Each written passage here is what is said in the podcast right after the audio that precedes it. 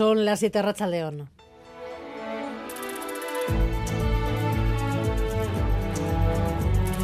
Gambara con Arancha García. Segundo día de tractoradas en Álava y en Navarra han vuelto los cortes de carreteras, las pitadas hoy han entrado en las capitales. En Iruña han bloqueado la entrada y salida de trabajadores del Andaven durante el cambio de turno a mediodía. En Gasteiz han plantado los tractores frente a la sede del gobierno vasco. Aunque han comenzado a marcharse, allí continúan todavía varias decenas y no Iglesia Rachaldeón. Sí, a León, poco a poco los tractores que aún quedan aparcados aquí frente al gobierno vasco, una treintena, se irán marchando porque tras mucho debate en el que se había barajado dejarlos aquí toda la noche, han decidido irse y se volverán a reunir ya mañana, en este caso para llevar su protesta al Parlamento vasco con motivo de la aprobación en la Cámara de la Ley de Transición Energética y Cambio Climático. Con la retirada de sus tractores, cierran un día de tractorada histórica en el que hemos visto 500 tractores cruzando Vitoria-Gasteiz y colapsando por completo el tráfico. Ese era el el objetivo, hacerse notar, dejarse ver y reivindicar condiciones dignas para los trabajadores del campo. ¿Hay algún problema a esta hora en carretera, Yo Fernández Mur? Pues no en la comunidad autónoma vasca, pero sí en Navarra, afecciones al tráfico que han existido durante todo el día. A esta hora está cortada la Nacional 121 en Valtierra, en ambos sentidos, en el cruce de los abetos, debido a esas movilizaciones de los trabajadores del campo, los tractores que también han entrado en Iruña, pero la policía ha evitado que colapsaran en el centro de la ciudad y ya se han marchado de allí.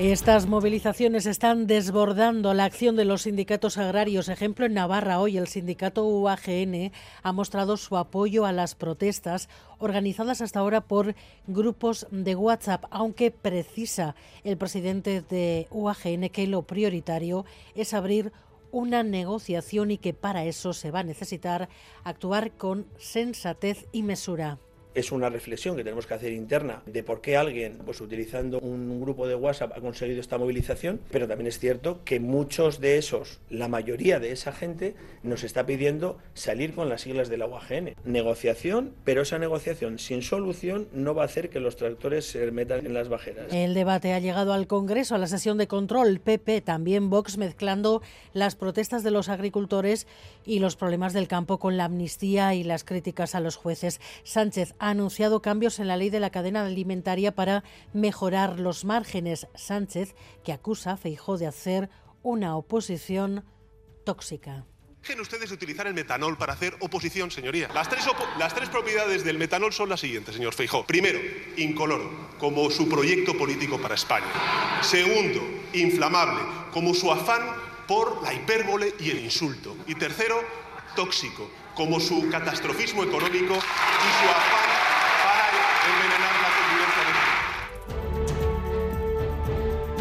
Un túnel de algo menos de un kilómetro va a unir Vizcaya y Guipúzcoa a finales de esta década, evitando el alto de Campázar. Las dos diputaciones avalan este proyecto que servirá para la articulación interna del país. Ponemos en marcha la culminación del corredor Beasain-Durango en eh, un proyecto que entendemos que es de país. Va a crear un impacto positivo en el día a día de muchísimas personas y teniendo en cuenta además que tenemos universidades en las tres comarcas, va a suponer un gran cambio. Un proyecto largamente esperado, sobre todo en Deva, Goyena y Durangaldea, Gary Suárez, Arrachaldeón.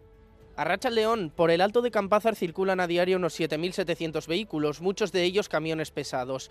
Ir por el puerto, que une Durangaldea con Debagoyena, es muchas veces pesado y también peligroso. Por eso, en localidades como Arrasate, que se verán beneficiados con la creación del túnel, trabajadores y universitarios que van por Campázar a diario reciben la noticia con los brazos abiertos.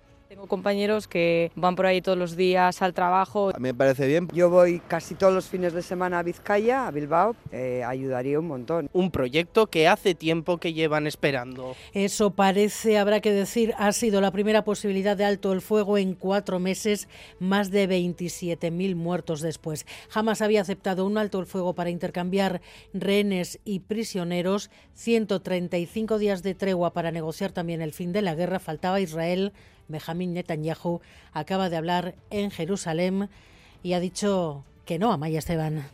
A Hamas no sobrevivirá en Gaza. La victoria total de Israel llegará en cuestión de meses. Si nos sometemos a sus condiciones, corremos el riesgo de que se produzca una masacre. Esta ha sido la respuesta del primer ministro israelí, Benjamin Netanyahu, a la contrapropuesta de Hamas para lograr un intercambio de prisioneros por rehenes y un alto el fuego. Sigue esa conferencia de prensa de Netanyahu en Jerusalén hasta ahora, que ha dejado claro que continuará la presión militar para acabar con Hamas. Con todo, Hamas ha dicho que Israel tiene la victoria en su mano y que seguirán luchando hasta conseguir la liberación de todos los que fueron capturados. Contundente Netanyahu, el fin de la guerra, ha dicho solo llegará con la eliminación total de Hamas. Hoy contamos los primeros cuatro meses de esa invasión de Gaza con un equipo de ITV desplazado al único paso de entrada y salida a la franja, el paso de Rafa, el único punto por el que entra la ayuda humanitaria a cuenta gotas tras los fortísimos controles del ejército israelí. No es fácil conseguir un permiso para entrar allí, para entrar a Rafa, lo ha conseguido nuestra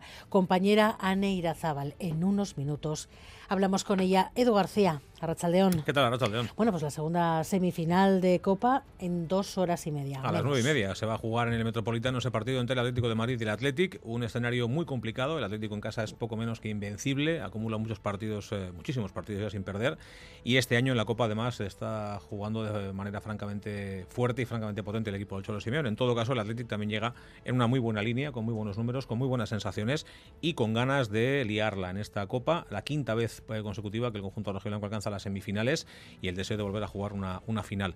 Con la duda en torno a Nico Williams, que está en la lista de citados, pero ya veremos si está o no para jugar, y seguro con un ambiente muy cargado en el Metropolitano, porque eh, el mayor descanso que ha tenido el conjunto bilbaíno con respecto al colchonero ya motivó las quejas y la bronca por parte del Cholo Simeone. Hoy el presidente del Atlético, Enrique Cerezo, ha cargado contra el Cruz Rojiblanco por no aceptar un aplazamiento del partido que se jugara un día más tarde y ha venido a decir aquello de, bueno, ha venido a decir, no, ha dicho literalmente que de arrieros somos y en el camino nos encontraremos. Así que seguro que hoy en Madrid hay un ambiente cargadito. Es un día muy especial hoy para la familia rojiblanca en cuanto a la Copa, porque se juega este partido entre el equipo masculino y el Atlético, pero está jugándose ya el partido entre el femenino y el Granadilla, partido de cuartos de final de la Copa en Lezama, Copa de la Reina.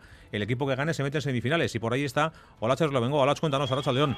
Arracha León, las rojiblancas buscan en Lezama el pase a semifinales por segundo año consecutivo. Lo tenían de cara después del gol del Espuro en el minuto 9, pero empató después el Tenerife. En estos momentos, minuto 36 del partido, Atlético 1, Tenerife 1. Y además en Miribilla se juega el partido que cierra la fase de grupos de la FIBA Europe Cup para Bilbao Basket. Ya está clasificado como primero de grupo, pero hay que intentar ganar para dar una alegría a la afición ante el Balkan de Bulgaria. Y por ahí está John Hernández. John, cuéntanos, Arracha León. Aracha Leonedu, así es, ya ha comenzado lo que en teoría tendría que ser un trámite para los hombres de negro y de momento de la mejor manera porque a 5 minutos 43 segundos del final del primer cuarto los de Ponsarnau mandan por 9, Surne Basket 15, Balkan 6. Día intenso por tanto hoy en lo deportivo, con básquet, con fútbol y con esa semi de copa entre el Atlético y el Atlético que contaremos aquí en directo en Quiero Festa desde las 9 en Radio Euskadi.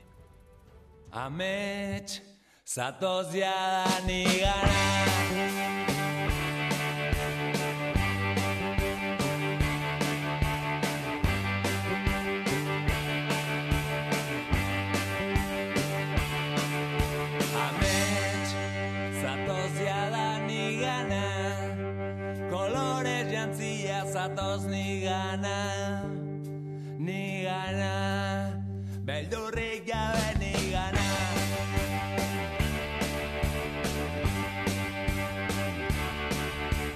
Es una de las polémicas del día referirse al Athletic como el Bilbao, que no suele ser cuestión de no saber cómo se dice.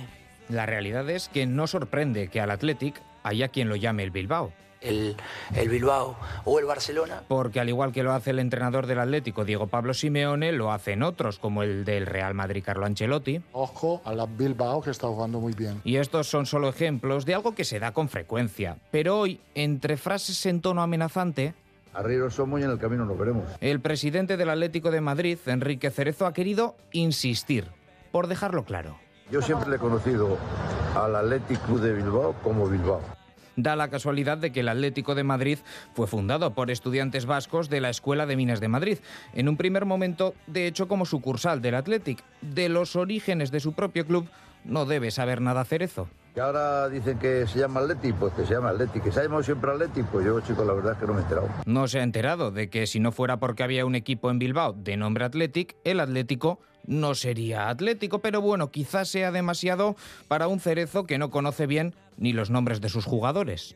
El portero Montalbán y el, y el Bermerin porque Vermerin es Bermiren y Montalbán en realidad se apellida Moldován. Y por cierto, el Bilbao se llama Athletic Club.